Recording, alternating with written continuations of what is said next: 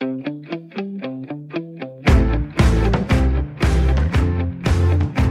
lytter til Fremkaldt med mig, Claus Elgaard.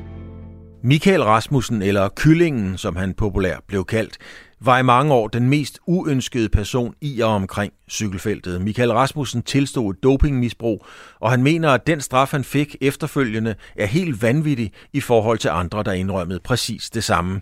Michael Rasmussen var kompromilløs som rytter, og han er fuldstændig kompromilløs i fortællingen om, hvad der skete. Michael Rasmussen er gæst i Fremkaldt. Michael Rasmussen, øh, hvad laver du egentlig i dag? Altså, du, ja, vi ved jo alle sammen, du skriver i Ekstrabladet, men, men hvad laver du ellers? Jamen, så er jeg så heldig at have et, øh, et job her på Hal E Efterskole, hvor at, øh, vi sidder lige nu faktisk.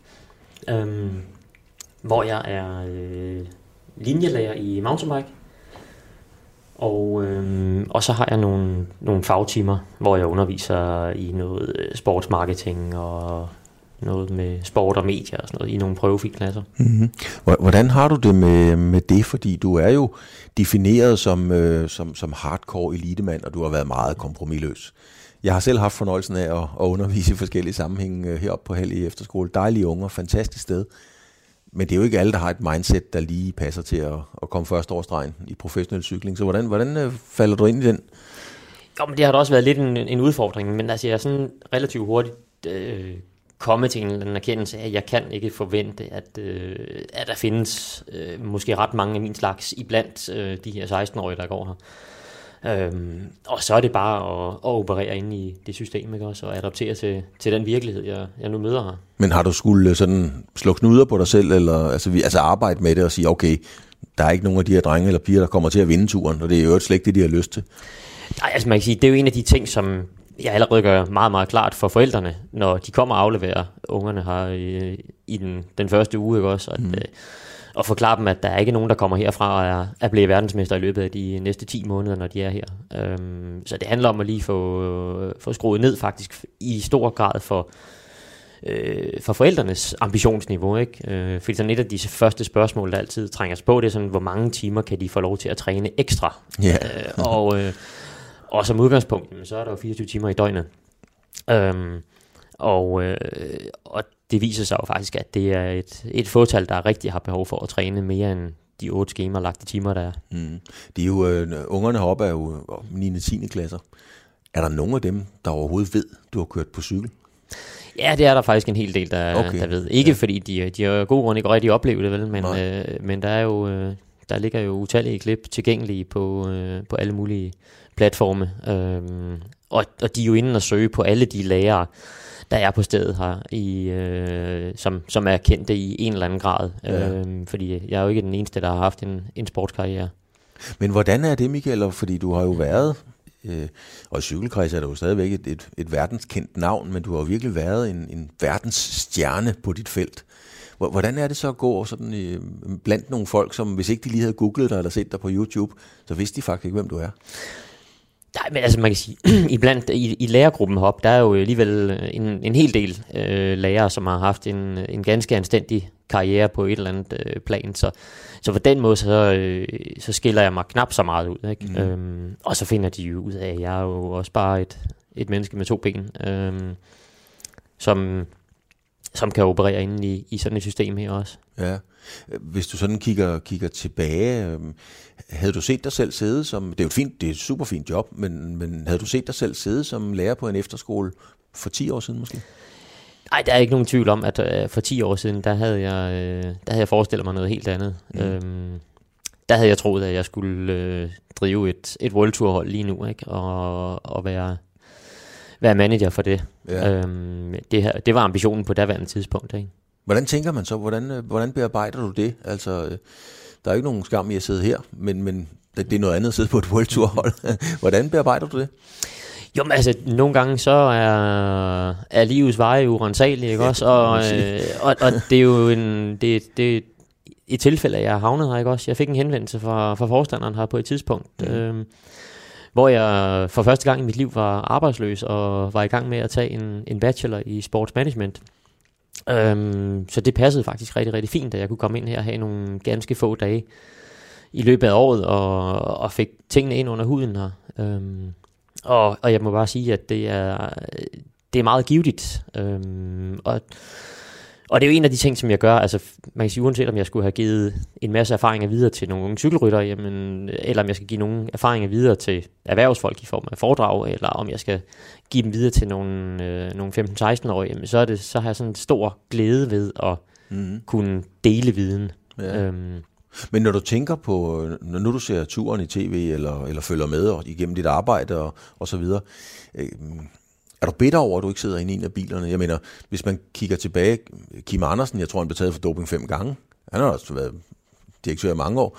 Øh, Brian Holm sportsdirektør, han har også været ude og indrømme doping. Øh, er, er du bitter over, at du ikke sidder i en af de biler?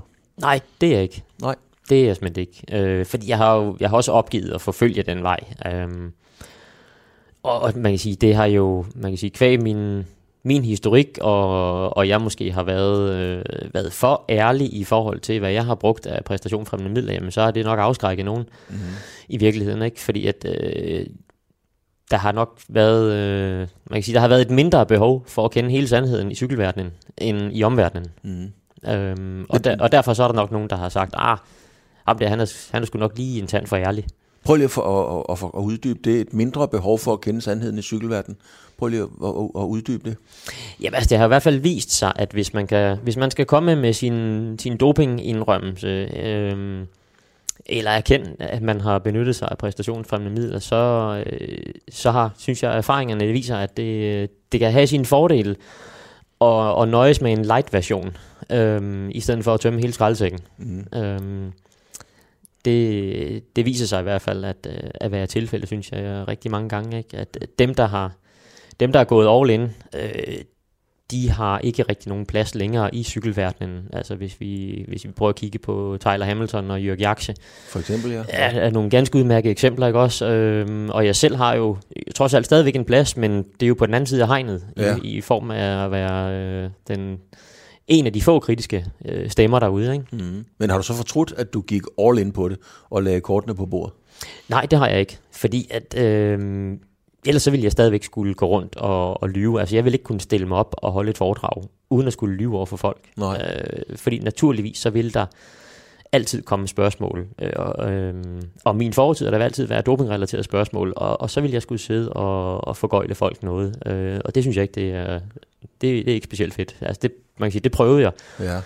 I den tid, jeg var aktiv, og, og der var det jo en, der var det en arbejdsbetingelse, alt andet lige, ikke? for ellers så, så sluttede karrieren. Øhm, og det er klart nok, når man som cykelrytter bliver spurgt, om man har taget doping, jamen, så er der kun et rigtigt svar, og det er jo nej. Mm. For ellers så, så er der ikke nogen plads i den verden. Øhm, men efterfølgende, så har jeg været lige så kompromilløs, og så og været lige så ærlig om det, ikke også? Ja. Øh, så der er jo sådan en, der er sådan en skæringsdato, der hedder 31. januar i 2013, eller noget af den stil, ikke? Ja, hvad, hvad, hvad præcis den skæringsdato? Jamen, det var der, hvor jeg holdt øh, pressemøde i Herning. Ja. ja. Når, når du, øh, hvordan har du det egentlig med, Michael? Det kommer jeg bare til at tænke på nu. At øh, vi startede med at snakke om, du var skolelærer og, og, og nogle søde elever, og, sådan nogle, og ret hurtigt kommer vi over at snakke doping, og det møder du garanteret meget ofte. Hvordan har du det med, at det tema bare åbenbart ikke vil dø i forhold til dig? Jamen altså, jeg er jo fuldstændig med på, at, øh, at jeg sådan for, for tid og evighed nok altid vil være mere kendt for det, jeg ikke vandt, end for jeg, hvad jeg rent faktisk vandt i min karriere. Mm. Øhm, og naturligvis, jamen, så er den sag også øh, så, så stor og så vigtig i, øh, i sportsverdenen og i særdeleshed i, i dansk sport, at, øh, at den vil hænge ved lige indtil til jeg skal lægges i graven, og, og måske også efter. Ikke? Men hvordan er det egentlig? Altså. Jamen altså, jeg har jo forenet mig med det, øh, ikke også? Og, og det er jo naturligvis også en, en vigtig del af det, og når jeg stiller mig op og optræder og holder foredrag for folk, ikke også? Fordi at, det er jo der, at, at det er også der, hvor jeg adskiller mig, kan man sige, ikke også? Mm. At, øh, at man rent faktisk kan få den den sande historie, eller i hvert fald min sande historie. Din sande historie, ja. Fra, ja. fra den verden, jeg har været en del af. Ikke? Men, men du siger, at du har forenet dig med det, men har du også fundet fred med det? Fordi det er jo måske en anden ting. Ja, altså den del af det, den har jeg fundet, øh, fundet fuldstændig fred med. Ikke? Mm. Øhm, og, og jeg synes faktisk, at det er jo et, øh, det er jo et vigtigt debatemne, øh, fordi det dukker jo op til overfladen igen og igen. Øh, altså senest jeg ved, ved OL, ikke også? Øh, og der er jo ikke en der er jo ikke nogen fornuftige mennesker, der tror, at doping er ved at forsvinde. Øh, så på den måde, så vil det hele tiden være et, et aktuelt emne. Øh, og derfor så synes jeg, det er jo, det er jo rart, det er rart for mig at være sådan afklaret med, mm. at jeg skal ikke sådan sidde og, øh, og bide mig selv i læben, når, øh, når jeg skal sidde og kommentere på et eller andet. Øh, fordi jeg skal være nervøs for, om der nu kommer et eller andet ubehageligt emne eller frækt spørgsmål, øhm, mm. som jeg ikke kan svare på. Nu, nu, nu svarer du, og det har du gjort meget åbent og ærligt i mange sammenhænge, fortalt om det og, og går all ind på det. Men, Michael, hvordan var det? Talte de sådan, ligesom vi sidder og taler om det nu? Altså dengang du kørte med ude i turen og ude i feltet, talte man om det, ligesom vi sidder her? Sad man så og talte om, jeg har taget det, og hvad prøver du, og nu skal jeg prøve det, eller hvordan foregik det? Nej, altså det er jo, det er jo mere sådan en, en meget generisk beskrivelse, ikke også? Der, der er nogen, der... Altså man, kan jo, man kunne blive spurgt om, er du, er du klar? Ikke også? Øhm, og, og så vil, øh, altså vil modparten med det samme sige, ja, jeg, jeg har gode ben, ikke også? Ja. Altså, og, og, og i virkeligheden, så, så ville det fungere, eller fungerer det på samme måde i forhold til, til både holdkammerater og sportsdirektører, ikke også? Mm. Øhm, den eneste, der måske øh, vidste mere specifikt, hvad der var foregået, det var holddagen, ikke? Ja. Øhm, så der var det sådan en en-til-en øh, samtale, man havde om det, ikke også? Øh, også hvis der skulle, hvis man skulle have råd eller vejledning, ikke også? Øh, til et eller andet specifikt. Øh, hvorimod, at når man så var ude af, af det hotelværelse, eller hvor den setting nu måtte være henad, ja. øh, jamen, så var det mere sådan, okay, du ser, du ser klar ud, og så kunne man jo så kigge folk i øjnene og sige, åh oh, jo, det, det bliver godt det her, ikke? Altså når man, det der med, at du ser klar ud, betyder det, at man er juiced up? Altså? Nej, så betyder det bare, at man er nede i vægt, og man er knivskarp, og, og blodåren, de står og strider på, ja. på lårbasserne, ikke også? Øhm, og, og, og så kan man sige, når man har kørt sammen med de samme mennesker i lang tid, så kan de udmærket se på en, om, om ja. man vejer 62 eller man vejer 59 kilo, ikke? Ja, ja. Hvor, hvor, altså, det har jeg tit tænkt på, når man så sådan et felt, jeg kommenterede selv nogle løb i den periode, ikke, ikke så mange, men når de andre var syge, så fik jeg et cykelløb. Øhm, og når man så så sådan et felt på 150 mand, hvor, hvor mange, og det var de bedste, hvor mange var egentlig dopet, tror du? Det er jo sådan en, øh, et, et klassisk spørgsmål, og det er jo altid rigtig, rigtig svært at, at tegne øh, den streg i sandet, ikke også? Ja. Øhm, fordi at jeg plejer gerne at sige, at øh, det er rigtig, rigtig få cykelløb af nummer 1 har snydt nummer 2. Ikke? Øhm, ja. og det er formentlig også rigtig få cykelløb af nummer 10, han har snydt nummer 11. Så spørgsmålet er, hvor langt ned i, i rækkerne skal man i det der Tour de France-felt. Ikke? Også, øh, faktum er i hvert fald, at ham, der har verdensrekord i at blive sidst i Tour de France, Wim van Sevenand, han har også været involveret i en dopingsag, ikke også? Ja, ja. Han blev sidst i turen tre gange ja. undervejs i sin karriere. Så det er jo svært at vide, hvor, hvor Søren skal den der... Øh... Men var det mere end halvdelen, tror du? Altså? Men det er... Øh... Det er jo igen derfor, at det giver rigtig, rigtig god mening, at jeg tager ud og optræder og fortæller om det. Fordi ja, at det er jo sådan et... Øh... Det er jo nogle flydende grænser, ikke? Øh... Fordi at, øh, der er jo nogen, de synes jo ikke, at de snyder, Nej. hvis de kun får et certifikat på at tage astmaspray. Ja. På trods af, at de måske rent faktisk ikke har astma. Der er nogen, mm. de, de føler ikke, at de snyder, hvis de får en kortisonindsprøjtning. Mm. Øh, fordi de siger, at de har dårlige knæ. Nej. Men får indsprøjtning i skulderen. Mm. Øh, så, øh, men ikke desto mindre, så er det jo øh, stærk præstationsfremmende, ikke også? Ja. Øh, og, og derfor så, øh, så er det nogle meget, meget flydende grænser, dem her. Ikke? Ja. Øhm. Men hvad, hvad, hvad, gjorde man, hvad, hvad gjorde I så, Michael, i forhold til dem, der, hvis I vidste, at der var nogen, der ikke dopede sig? Så havde man og tænkt, kæft nogle idioter, mand. Altså, de, de har jo ikke en jordig chance for at køre med, hvis ikke de doper sig. Eller hvordan håndterede man, hvad, hvad, hvad talte man om dem? Jamen, altså, man kan bare sige, at der er ikke ret mange, hvor jeg siger, okay, dem her, dem tør jeg bare lægge hånden på kogepladen for. Nej. Øhm, I virkeligheden vel, fordi at naturligvis, når, når du spørger folk, jamen, øh, så vil de, de fleste jo sige nej. Med mindre det er nogen, man har et ret fortroligt forhold til. Ikke? Mm. Øhm, mm. Altså, der er jo masser af rytter på, øh, på Rabobank, som ikke vidste, hvad søren der foregik.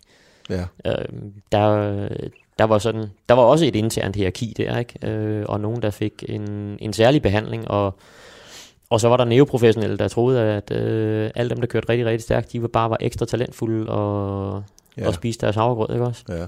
Skal man være en, en verdensstjerne for at kunne få råd til at dope sig? Altså kunne man komme ind som, som hvad hedder det, stagiaire eller neoprofessionel og så videre? Kunne, kunne man komme ind og så få råd til at dope sig? Eller, eller øh, skulle man være etableret for overhovedet at kunne betale det? Nej, altså, det er jo også en af de her myter, øh, som der kunne være rigtig fine at få, få aflivet, ikke også? Ja. Øhm, Altså, det, tit, tit når der bliver snakket om, om doping, så er der jo mange, der, der har en eller anden fornemmelse af, at det her det er noget, der foregår øh, af lysky øh, folk i hvide kitler, ikke også? Ja. Øh, og, det, og det koster mange hundredtusind kroner, ikke?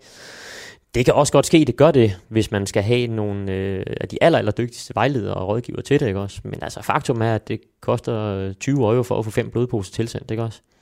20 euro? Øhm, så kan de blive sendt med posten. Øhm, og, øh, og så kan man i princippet bedrive bloddoping selv, Mm. øhm, hvis man ellers, har et køleskab og kan finde ud af at indstille det på 4 grader. Ikke? Øh, Noget af det der doping, der er jo rigtig mange medicamenter, men, men du nævnede selv det her med, med astma. Mm. Og øh, i al den tid, jeg har kommenteret sport og beskæftiget mig med det, så har der jo været svømmere. Jeg tror ikke, der var en på et tidspunkt, der svømmede, som ikke også havde astma. Øh, og hvis du løb maraton, så havde du sgu også astma. Og jeg altid undret mig over, at hvis man havde en knæk, der havde astma, så skulle han i hvert fald være cykelrytter og køre op over nogle bjerge. det her astmaspray, har det nogen reel virkning, eller er det reelt placebo? Altså, man kan sige, hvis man har astma, så har det jo en, en effekt. Og, øh, og så er der jo bare rigtig, rigtig mange atleter, som der, øh, der har nogle hårdt pressede lunger. Mm. Så, øh, så rigtig mange, de er jo også i virkeligheden udstyret med det, der hedder exercise induced asthma, altså anstrengelsesastma, ikke? Ja. Øhm, og, så, og så er der garanteret også rigtig mange, der tager det for at være sikre på, at de ikke har et handicap.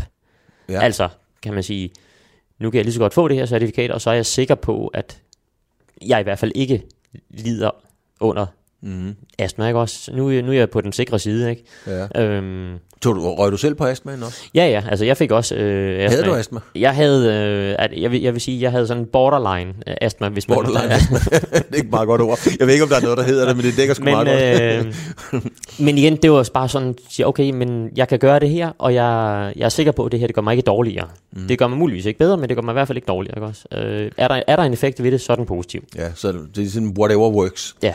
Altså det var, det var derfor en, også en af grundene til, at man tog det. Altså, ja, altså man kan sige, så, så var den i hvert fald vinget af, ikke også? Mm. Øhm, Talte de om øh, i andre sportsgrene, altså hvis, hvis, hvis I så fodbold, eller håndbold, eller basket, eller hvad man nu interesserer sig for, at hvis ikke de doper sig, så er det der knaldlåd, fordi det er der forskellen på at blive nummer 1 eller, num- eller nummer 11. nej, altså man kan sige, de der øh, holdsportsgrene, der er jo nogle helt andre mekanismer, øh, som der er vigtige, øh, mens at i, i cykling, jamen der, er- der handler det så meget om, om fysik. Øh, så, øh, så nej, det, det er ikke sådan noget, der er ikke, nogen- jeg tror ikke, der er nogen, der har set skævt til, øh, til dem af, af den grund i hvert fald. Vel? Altså så er det mere måske et eller andet med at sige, at de skulle øh, lidt halvkvapset og se på, at de skulle til at træne noget mere, ikke også? Mm. Øh, fordi at i mange af de sportsgrene, jamen altså, der er så stort forbedringspotentiale, inden det overhovedet er nødvendigt øh, at begynde at tænke på at tage doping. Hvis nu vi laver et tankeeksperiment, Michael, nu, nu hiver vi øh, i 2006-7, i de år der, der hiver vi doping helt ud af feltet. Altså vi, vi, vi, det, det var der bare slet ikke. Vil, vil top 10 og top 20 så have set helt anderledes ud på ranglisten, tror du? Det tror jeg faktisk ikke. Nej, det vil ikke blive den store ændring. Jeg tror, at der i, øh, i stor stil, så er der tale om en parallel forskydning. Mm. Øhm, og, og man kan sige, jamen det er jo tosset i virkeligheden så, overhovedet at gøre det, men problemet er jo bare, at, øh, at cykling altid har været øh, eksponeret for det, øhm, fordi der er så stor en effekt ved det. altså man kan sige, at da man startede med at lave Tour de France i, i 1903, øhm, der havde man seks etapper, mm. og øh, første etape den gik fra Paris ned omkring Lyon, tror jeg nok, og var 472 km. Så allerede da man startede den her øh, vanvittige øh, disciplin, altså den, det her fuldstændig vanvittige event at køre Fran- Frankrig rundt på daværende tidspunkt, var der seks etapper. Mm. Jamen så har man tru- tiltrukket nogle vanvittige, vanvittige mennesker, ikke? Jo, det er jo, det er jo rigtigt. øhm, og, og, og, og det er i bund og grund jo det, der har dannet øh, fundamentet for, Ja, hvordan tingene har udviklet sig. ja. Øhm, ja.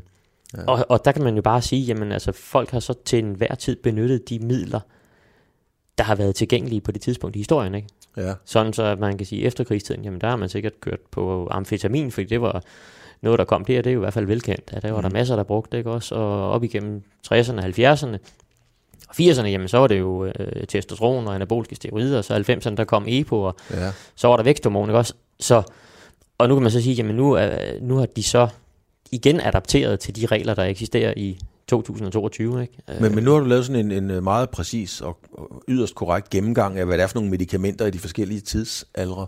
Hvad, hvad bruger man så i dag? Altså, jeg mener, er, er, er, nu må jeg spørge på en anden måde, amfetamin i dag, er det lige så gammeldags, som hvis man har en mobiltelefon i den ene hånd og et stort batteri i den anden hånd? Ja, det, det, det er jo ikke relevant, vel, fordi det er jo meget let sporbart, ikke også? Men altså, der er jo selvfølgelig nogle, nogle gråzoner, ikke også? Altså, som for eksempel astma-medicinen, den, mm. den vil der selvfølgelig være masser, der benytter sig af. Der er masser, der benytter sig af kortison, Ja. Fordi det er skide effektivt, og fordi man kan. Mm. Øhm, og så er der jo masser af andre øh, medicamenter, øhm, der ganske vist er på dopinglisten, men de kan ikke spores. Øhm, altså, som øh, også er øh, altså en anabole, kan man sige, ikke Ja. også? Øh, Væksthormon, det kan ikke spores, vel? det har en meget, meget kort halveringstid, ikke også? Så Ja. der, skal, der, har, der er måske et testvindue på 12 eller 24 timer, Ja. øh, hvor at kontrollanterne, de skal dukke op, ikke også? Øh, Og ellers kan de ikke se det. og ellers kan de ikke se det, nej. Og det er jo ganske, ganske få atleter, der er blevet taget for væksthormon i tidens løb, ikke? Ja. Øhm, og der er jo aldrig nogen, der bliver taget for at benytte sig af kortison. Nej. Altså fordi hvis de begyndte at tage alle dem, der benytter sig af kortison, jamen så vil man jo have en kø, der er, er længere, end man kan tælle til, øh, foran, øh, foran retsbygningen nede i Lausanne, ikke også? Øh, fordi så skulle alle sammen, de, de skulle have deres sager igennem kasse, ikke? Ja. Øh, og, og det eksisterer jo ikke. Der er jo ikke nogen sager med kortison, vel? Men derfra så til at tro, at det ikke bliver benyttet, der er lang vej. Men så vidt jeg lige husker, nu må du lige øh, korrekse mig, Michael, fordi nu er det et langskud, men jeg mener faktisk, at øh, for eksempel Jens Vækkerby, han fik en dom for kortison. Altså, han smed, jeg tror, han fik sædesår i numsen, ganske enkelt, og så mener han smurt kortison på, og så, så fik han det her, øh, de her anabole stof ind i kroppen på en eller anden måde. Og det må man jo ikke. Men, men hvad, hvad gør kortison? Altså, hvis- man tager noget kortison, kortison hvad, hvad, er det fordi, man tror, man kan køre stærkere? Kan man køre hurtigt op ad et bjerg? Eller hvad fanden gør det egentlig ved kroppen? Ja, altså det har jo sådan en, en på dagen virkning, der udsætter træthedsfornemmelsen. Ja. Altså der føler, at man, man kan simpelthen levere mere. Mm-hmm. Øhm, og så har det sådan en langtidseffekt også, hvor at, øh, man har en, øh, en tendens til at, at tabe sig hurtigt. Altså og med, for cykelrytter, der skal køre hurtigt op ad bakke, jamen der er to kilo ret vigtige. Ja. Øhm, og det vil man sagtens kunne øh, benytte i det til at, at smide de sidste par kilo, ikke? Mm. Øhm, Mm. ved at, at, at benytte sig af, af kortison over en, en lidt længerevarende periode. Ikke? Ja. Det skal jo siges, at øh, der er jo masser af bivirkninger ved kortison, og i særdeleshed, hvis man bare er en, øh, en stillesiddende person, der er, er syg og skal have det her, altså, så får man sådan et måneansigt, ikke også? Og, Mm. og kroppen kommer, kommer til at holde rigtig meget væske, og man bliver helt oppustet at se på. Ikke? Ja. Øhm, men det er jo lige præcis ikke tilfældet, når man, når man sveder, jeg ved ikke hvor mange liter om dagen. Altså, øh, så skal man jo nok nå at komme af med alt den der overskydende væske. Ja, så hvis jeg begyndte at tage det, så ville jeg blive ret rund. Ja, men det er jo det, hvis ikke man får bevæget sig, men altså hvis man cykler 150 km om dagen, øh, så, øh, så har det en præstationsfremmende effekt, og så er det enormt gavnligt. Ikke? Ja. Michael, jeg har, jeg har været sådan meget i, i fitnessmiljøet øh, og, og bodybuildermiljøet. Ikke fordi jeg er bodybuilder, men fordi jeg har arbejdet meget med det. Og der sad, øh, der sad rigtig mange og gjorde sig meget kloge på alt muligt, og eksperimenterede sgu helt bogstaveligt talt ned hjemme i kælderen, og så tager vi det, og så tager vi det, og så kunne man blande det, og sådan nogle ting. Var det også sådan i cykelfeltet, at man eksperimenterede? Nej, altså jeg tror, at man... Øh, I hvert fald for mit eget vedkommende, så fandt jeg ud af, hvad sådan virkede.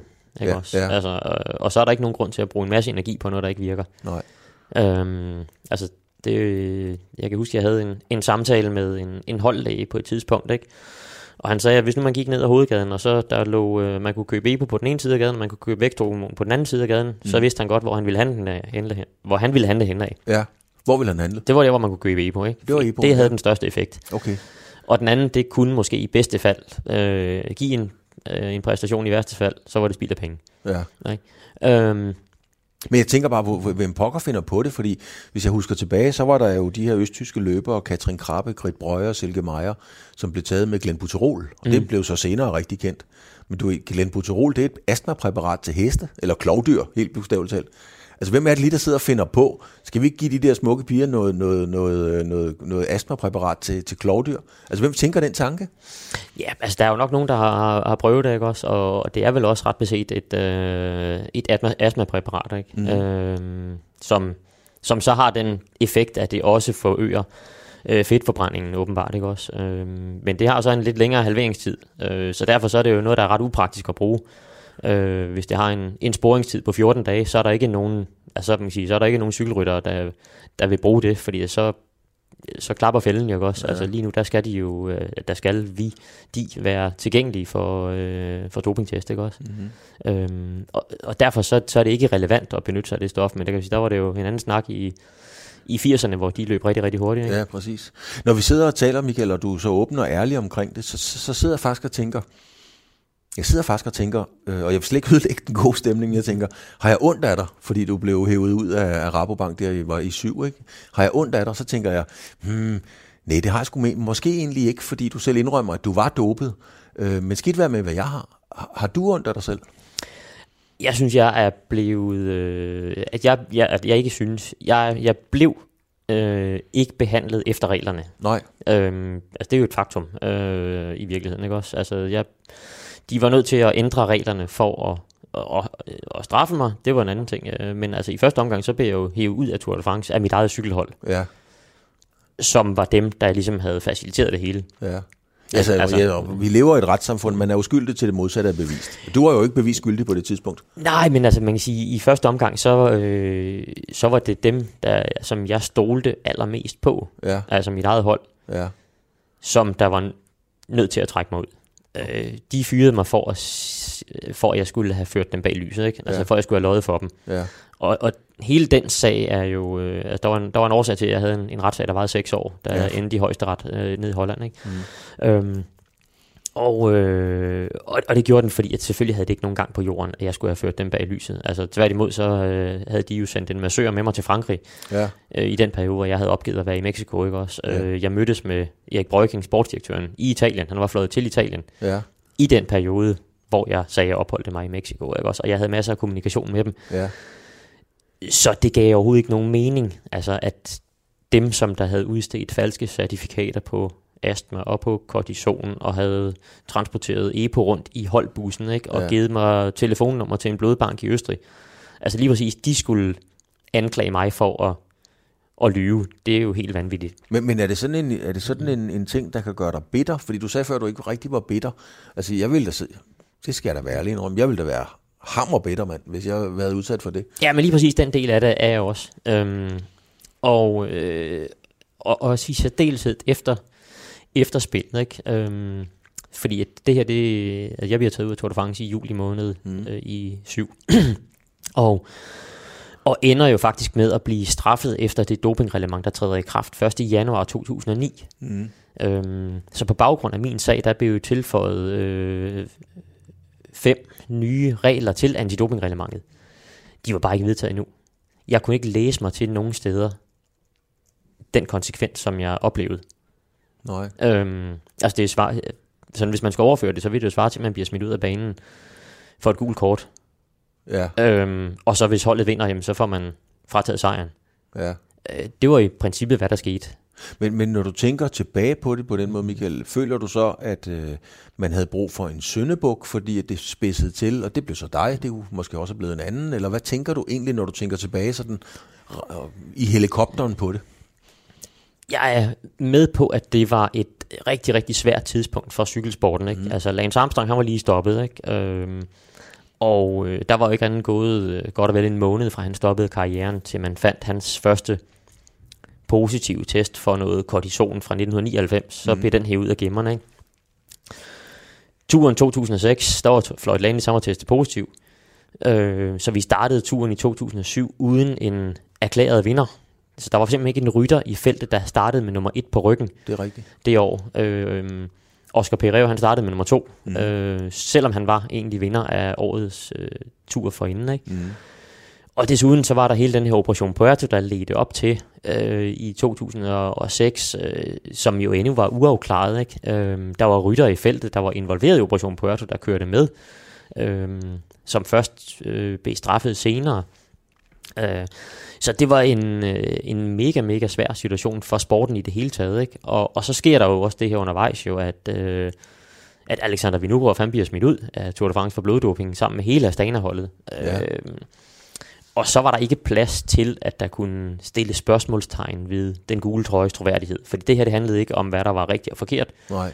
Det her, det handlede om, om troværdighed. Kan vi stole på jer, ikke? Ja. Øhm, og, og sådan er det jo nu engang. Altså, øh, så Øhm, så når Lars Værge han sidder og spørger mig, på den første hviledag, kan vi stole på dig, ikke? Mm.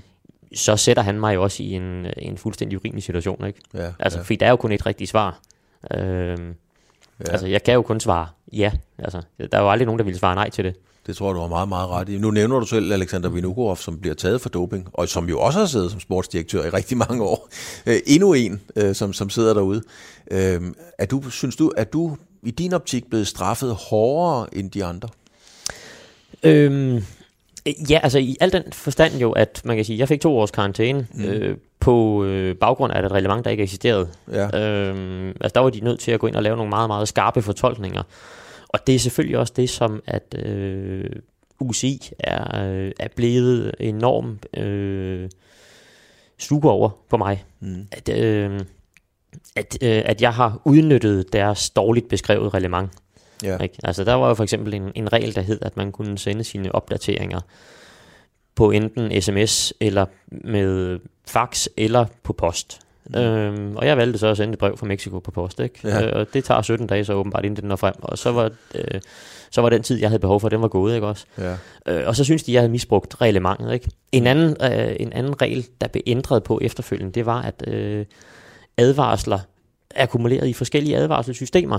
Øh, og i det her tilfælde Antidoping Danmark og UCI, hvor jeg så var den eneste rytter øh, i verden, der var underlagt to forskellige systemer, der, der arbejdede sammen. Mm-hmm.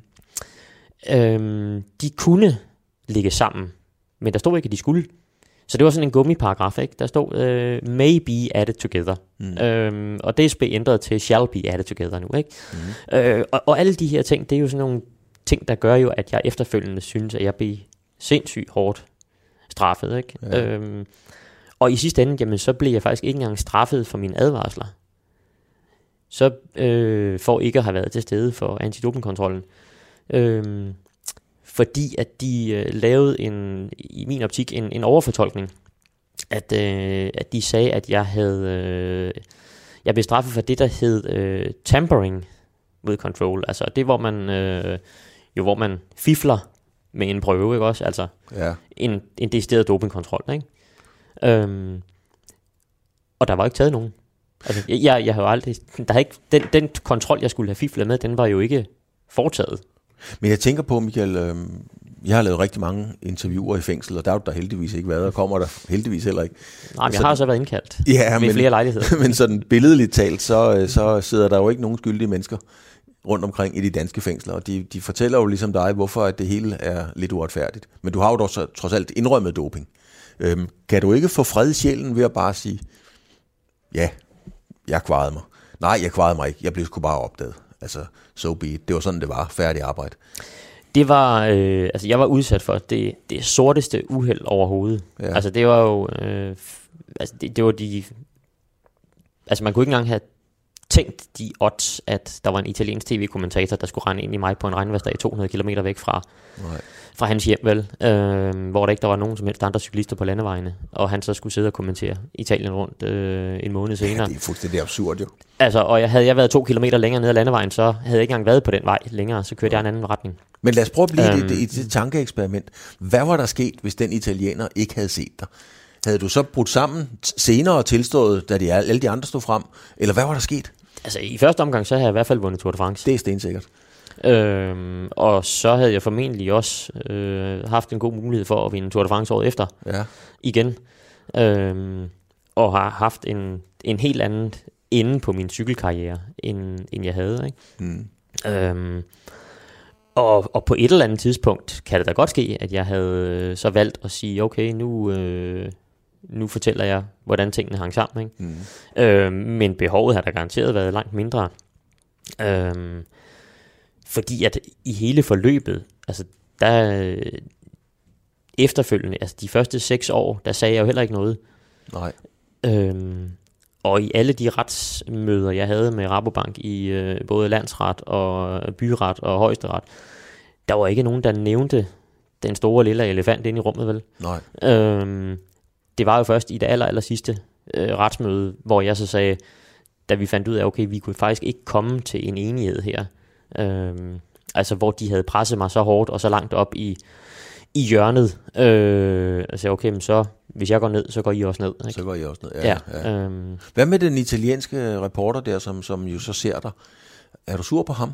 Overhovedet ikke. Nej, altså han har jo mødt mig og har fortalt i, øh, i god mening, øh, den dag jeg vandt den første etape i, i turen i syv, mm. øh, om hvorledes han, han så mig på en, en regnværsdag, hvor det var 6 graders varme op midt i Dolomitterne, ikke også? Og, og jeg trænede syv timer.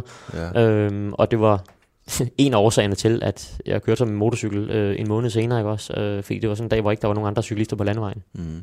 Når, når nu der er fodbold i parken, så inviterer man de gamle stjerner, Elke og Laudrup, hvad de hedder alle sammen med, og de kommer op i vip og de... Hvad når du kommer rundt øh, som reporter fra Ekstrabladet? Vender de ryggen til dig, UCI-folkene, de gamle stjerner, eller bliver du inviteret på kaffe? Hvordan tager de egentlig imod dig? Altså, der er jo lige gået øh, en rum tid, inden jeg kom tilbage til Tour de France. Øh, første gang, det var i 15, mm. så der var, der var gået otte år, og jeg havde i den periode absolut heller ikke nogen noget behov for at, at sætte fod i Frankrig. Nej. Øhm, altså jeg, der, der gik jeg også og, øh, og var øh, ekstremt indebrændt der. Øhm, og, øh, og jeg ved også, at første gang, at, øh, at jeg blev akkrediteret dernede, ikke? Øh, jamen, da folk de fandt ud af, at jeg var der, så lige pludselig så, øh, så synes de, at de skulle have svar på alle de spørgsmål, de ikke fik otte år forinden. Ikke? Ja. Øhm, så, øh, så det mindede ret meget om det store pressemøde, der var i 2007, øh, hvor der var 200 journalister samlet. Og, øh, og det var bare en helt anden situation, ikke? Altså, jeg stod der, jeg var fuldstændig rolig, og jeg kunne jo fortælle dem sandheden øh, om, hvordan tingene hang sammen, ikke også? Ja. Øhm, og da det så var sket, jamen, så, så faldt stemningen bare, og så var jeg accepteret som en... Øh, ja, som en, en vigtig del af, af, af pressecentret i virkeligheden, ikke også? Øh, ja. Og nu har jeg så været dernede i syv år, ikke? Øh. Så du kan godt komme og gå ved de forskellige rytterbusser og så videre. Altså, det kan godt være, at de ikke gider tale med dig, fordi du er journalist, men, men din fortid har ikke noget med det at gøre så? Nej, fordi altså rigtig mange af dem, der sidder af sportsdirektører nu, øh, dem har jeg jo kørt med. De ved jo godt, hvordan at, øh, at verden var på det tidspunkt, ikke også? Altså, ja. selvfølgelig er der stadigvæk nogen, der der ønsker mig hen, hvor, hvor peberet gror, ikke også? Øh, måske nogle, i særdeleshed nogle af de der gamle franske sportsdirektører eller teammanagers, ikke? Mm. Øh, men altså, øh, jeg snakker jo fint med, med rigtig, rigtig mange af dem dernede, ikke? Øh, Hvordan det der med at tale fint med, med dem? Nu lavede jeg et, øh, et tilsvarende interview her med Jens Vækkerby for ikke så lang tid siden. Han kører med Brian Holm, så cykler de, hedder det Tour de Charlottenlund, eller sådan det hedder derude. Ikke? Nogle gange kommer Mørkov med, så er Rolf med, det er sådan lidt under over for Hamburg og dukker op, og det ene med det andet. Har du nogen kontakt med de gamle? Ja, altså øh, Brian og Bo snakker jeg lidt med en gang imellem, ikke også? Ja. Øhm, og, og Rolf fremstød er jo ind i nede på, på turen, ikke også? Ja. Øh, men ellers er der jo... Men du er ikke sådan blevet frosset ude af det selskab? Nej, øh, det, det, altså man kan sige, jeg er jo ikke med i den der fine klub, de har for eks-professionelle. Øhm, og Brian har jo egentlig spurgt, om jeg havde lyst til at være med, og Per Bags har jo egentlig også spurgt, så mm. det kan jeg jo ikke. Altså, jeg kan jo ikke sidde til bords med Jesper Vore. Altså, jeg, jeg kan ikke sidde til bords med Bjørn Ries formentlig, vel? Nej, det bliver, øh, det, bliver, det, det bliver akavet, skal det, sige Og det, det, det bliver mærkeligt, ikke også? Øh, så uanset øh, hvor søde og rare er nogen, I andre er, øh, nogen af jer i hvert fald, ikke også? Ja. Så, øh, så kommer det ikke til at ske. Altså, der, der er nogle ting, der ikke kan laves om her i livet, ikke? Mm. Du er meget, øh, også når du siger det, som, som du siger det nu her, du kan ikke sidde til bords med Bjarne Ries, du kan ikke sidde til bords med, med, med, med Jesper Vore. Det er sådan meget direkte, næsten konfronterende. Øh, har du altid været sådan, Michael? Ja, der, der, jeg har nok været, øh, jeg har nok været, aldrig sådan rigtig været kompromisets øh, mand, vel, og heller ikke fra jeg var fra jeg var lille, altså der brændte jeg også ind i nogle øh, konflikter. Øh, dengang der handlede det typisk om mine idrætslærer, ikke? Ja. Øh, hvor jeg synes at det var fuldstændig håbløst, at vi skulle have idræt sammen med pigerne. Ikke? ja. fordi, fordi de kunne ikke finde ud af det. Det var for, for, for dårligt niveau. Ikke? Og så som straf, så fik jeg jo typisk en af de mindst atletiske piger at være sammen med. Ja. um, når der skulle laves et eller andet. Ikke? um, og, og, og det var sådan noget, der forfulgte mig op igennem men, skolegangen, altså også helt ind i, i gymnasiet. Ikke? Men hvor, hvor, hvor, hvordan, hvor har du det fra? Fordi kommer du fra et hjem, hvor man tog en diskussion, det behøver ikke at være negativt at tage en diskussion, øh, men, men kommer du fra et hjem, hvor man gik til den, eller hvor, hvor har du det fra? Nej, jeg tror, det er sådan et øh, sådan iboende øh, vinderinstinkt. Ikke? Altså, ja. Der er ikke nogen tvivl om, at jeg er utrolig dårlig taber. Mm. Øhm, og det var faktisk også sådan, at da jeg var jeg 8 år gammel, der, så ringede fodboldtræneren til mine forældre og så sagde han, at øh, Jeg tror faktisk, det er bedre, at Michael han finder sig en individuel sport. okay. så er det da sagt i hvert fald. øhm, og, og det, har han, det har han nok fuldstændig ret i i virkeligheden. Ikke også? Altså, jeg skulle være et sted, hvor jeg kunne være selv. Ja. Øh, hvor, jeg ikke var, hvor jeg ikke var afhængig af, af andre, øh, der kunne der kunne påvirke mig hverken i, i positiv eller negativ retning, ikke også? Altså, hvor jeg var, var her i eget hus. Ikke? Men var det så også sådan i, i skolen, da du bliver sådan en teenager? Altså, man ved jo, du er bjergrytter, og bjergrytter er jo ikke sådan verdens største øh, muskelsvulmende fyre. Øh, var der øretæver i luften, fordi du var så kompromitterende, eller, eller konfronterende? Øh, nej, altså man kan sige, nu, øh, nu typisk så de fleste slåskampe, jeg røg i, dem tabte jeg, ikke også? Øh, og, og, og forsøgte for så vidt muligt at undgå dem, ikke også? Ja, ja. Øh, men der er heller ikke nogen tvivl om, at hvis der var nogen, der kom efter mig, så på et eller andet tidspunkt, så, så tog jeg hævn. Ikke? Altså, ja. så, så skulle der afregnes, ikke? Ja, skulle, ja. Øh, på den måde, der nu, som jeg nu kunne finde på, ikke også? Ja. Øh, ja. Øh, fordi at jeg kunne ikke bare lade et, et nederlag hænge i luften, vel? Bærer du af? Er du en type, der bærer af? Nej, det synes jeg nu egentlig ikke. Nej. Øhm, altså, der er nogle ting, som der ikke som der ikke bare lige kan tilgive, så det er selvfølgelig også derfor, at jeg kan sgu ikke sidde til bords med Jesper Borg. Nej. Altså, øh, den, den, kan ikke lige, den kan der ikke lige laves om på, vel? Altså, Bjørn Ries kunne jeg sagtens, men jeg tænker på, at Bjørn har nok et større problem med det, med det ja, ja. End, end, end jeg har, ikke også? Øh... Men, men, men, men i forhold til, til, til Jesper Vore, øh, når du siger det så kategorisk, at det kan ikke lade sig gøre, så er der vel en vis, skal man sige, element af nag i det, er der ikke det? Eller? Jo, jo, altså man kan sige, så det er jo så meget, meget personspecifikt, ikke? Mm. Er der noget, Michael, du fortryder, når du tænker tilbage på den måde, du agerede på, altså i hele din håndtering af situationen der omkring 07, hvor du bliver hævet ud, og i årene efter osv.? Er der noget, der ærger dig over, at du gjorde det på den måde? Jamen altså, der er i hvert fald noget, der ærger mig i perioden op til. Mm. Øh, at jeg skulle have lavet være med at være så, øh, øh, så fokuseret på ikke at modtage de her advarsler. Øh, altså, jeg var altså, jeg skulle have lavet være med at være for smart i forhold til det system, der eksisterede. Ja. Øhm, jeg skulle bare have været dum. Ja. Ikke? Øh, og så sige, jamen, du hvad, det må jeg sgu undskylde, jeg har glemt at indsende de her øh, whereabouts-informationer. Ja. Og så kunne de ikke have gjort mig noget som helst. Øh, det var en forglemmelse.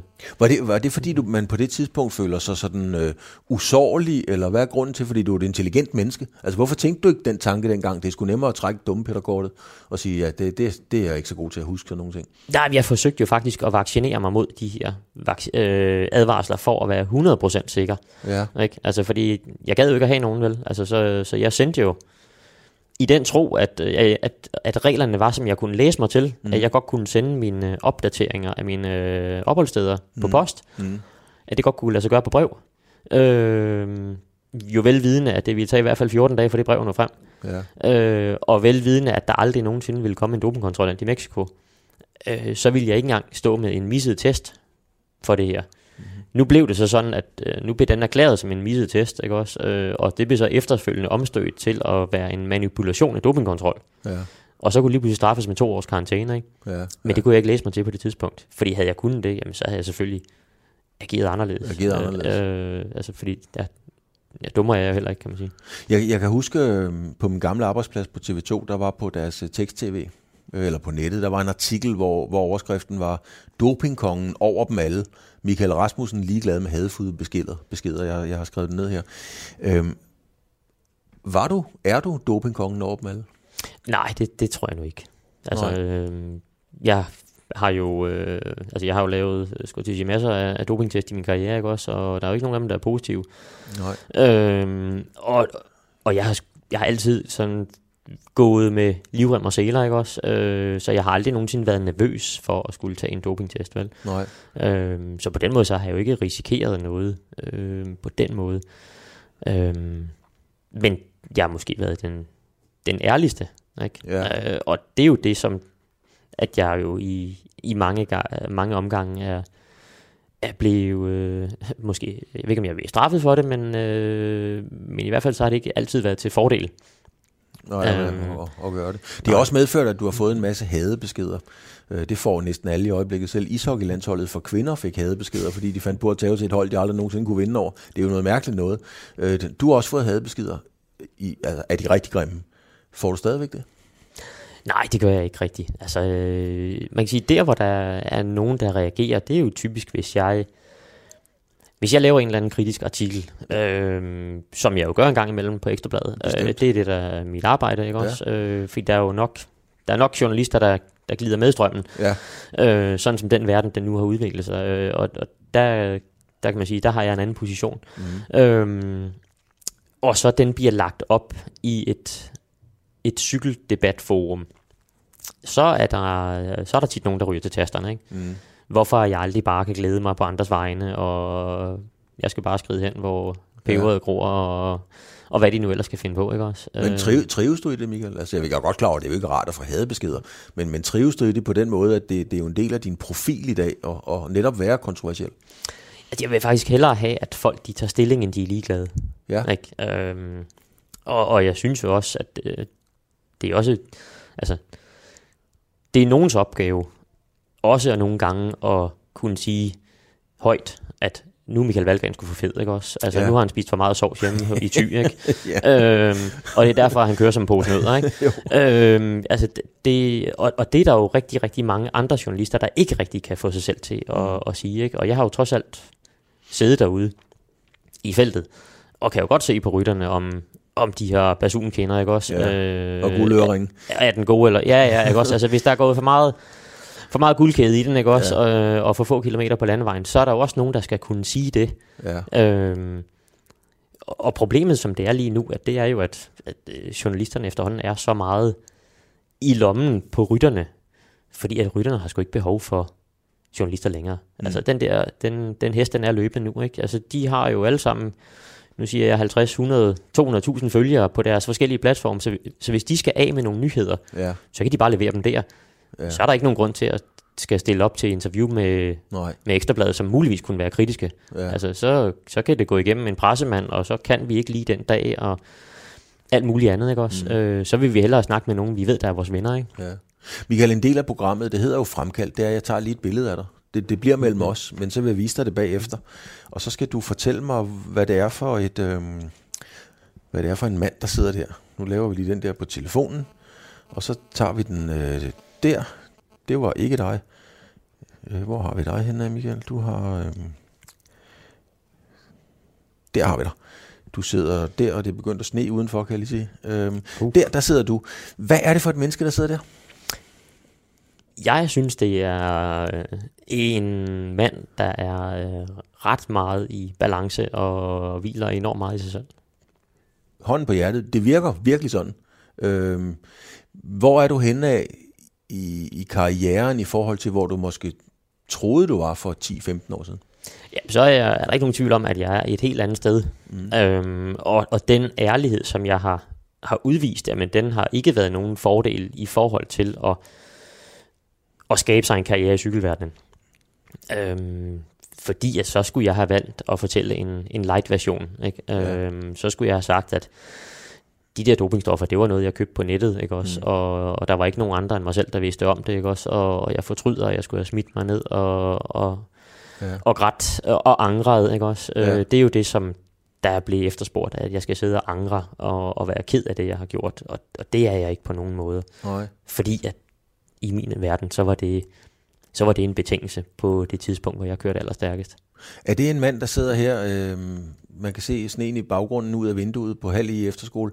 Er det en mand, der er stolt af sig selv? Ja, det er det i den grad. Mm. Øhm, altså jeg er fuldstændig lige så stolt over min cykelkarriere, som, som jeg var den 25. juli, hvor jeg stod på toppen af Col Bisk. Øhm, mm. Det er der ikke nogen tvivl om. Den fik så ikke den ende, som jeg kunne have ønsket. Øhm, men øh, altså der er ikke, jeg, jeg er overbevist om, at cykelsporten blev ikke et bedre sted, fordi at jeg forsvandt. Nej. Øhm, altså nu kan man så i stedet for overdrage sejren til en rytter, som jo i hvert fald bevisligt var dopet.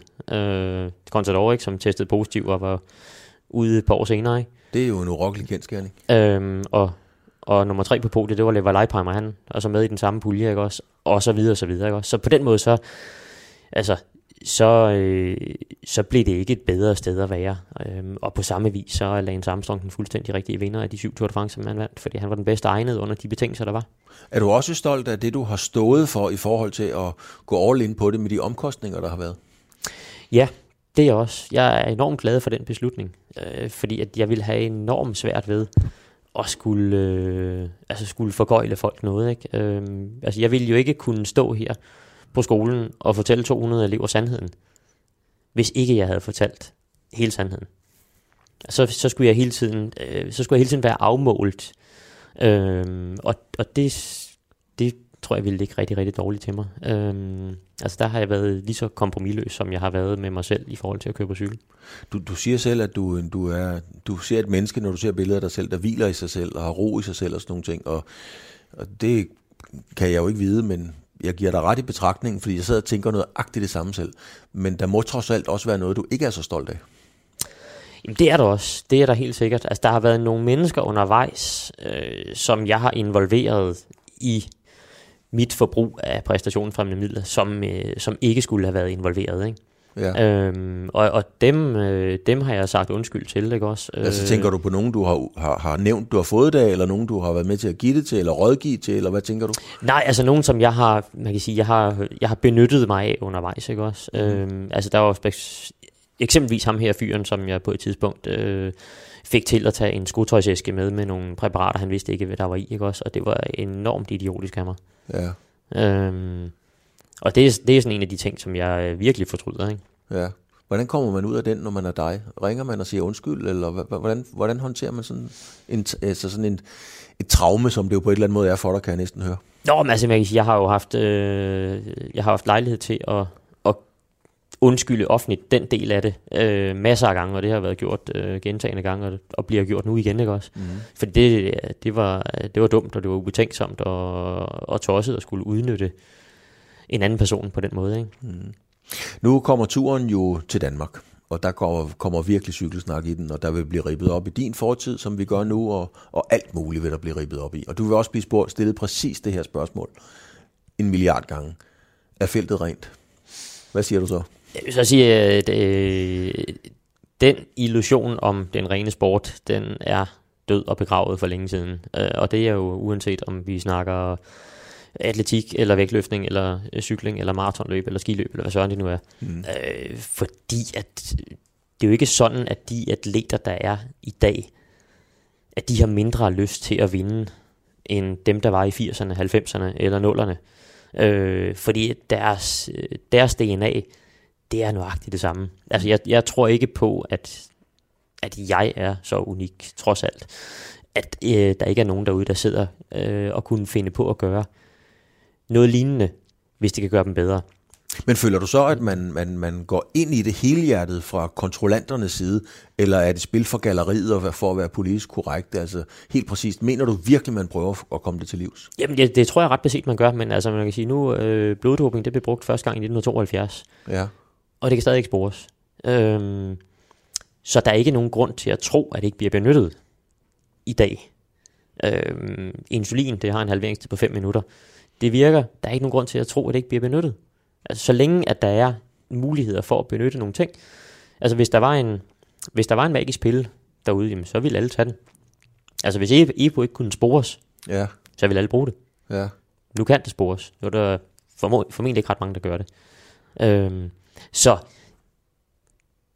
lysten til at vinde, den er jo ikke blevet mindre hos den generation, der er nu, end dem, der var for 10 eller 15 eller 30 år siden. Tror du, Michael, tror du, at, øh, og jeg mener virkelig, tror du, fordi jeg, jeg, jeg er ret sikker på, at du ikke ved det, men tror du, der er en magisk pille ude i feltet, ude i dopingverdenen, som, øh, som dem, der skal kontrollere, slet ikke aner findes? Nej, det tror jeg simpelthen ikke vel. Og, og i virkeligheden, så synes jeg for mig, der er det, der er det allervigtigste, at det er på lige vilkår, de konkurrerer. Mm. Og det er jeg helt overbevist om, det er. Fordi at hvis der nu var den magiske pille derude. Øh, eller der var nogen, der kørte på kryptonit. Ja. eller hvad ved jeg. øh, og der ikke var nogen andre, der gjorde det, og skidte virkede, jamen så ville de jo vinde Tour de France med en halv time. Det gør de ikke. Vel, altså lige nu, der er det faktisk en, øh, en lille fiskerdreng fra Thy, der bliver nummer to, ikke? Det er sandt. Øh, og øh, jamen altså, hvis vi tror på ham, jamen så er der ikke nogen grund til at tro på ham, der bliver nummer et. Eller ham, der bliver nummer tre, for den sags skyld, vel? Mm. Øh, og, og og afstandene er så korte. Altså, der har været kørt Tour de France, hvor der har været fire mand inden for et minut efter 3.500 km. og de har kørt op ad bakke, og de har kørt ned ad bakke, og enkeltstarter, og jeg skal give dig skære i alt muligt slags vejr. Og afstanden er stadigvæk noget, der måles i sekunder.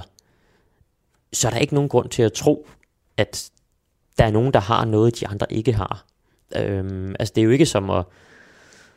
Altså, det er, og det, det, det er derfor fascinations, fascinationskraften, den er jo øh, altså, den er uforandret, ikke også? Altså, fordi det er jo en færre mm. og en jævnbyrdig sportskonkurrence. Det er jo ikke som at se Real Madrid spille mod et juniorhold. Nej. Øh, det gider vi ikke at se på, de vinder 20-0. Ikke? Øh, det er jo ikke tilfældet her.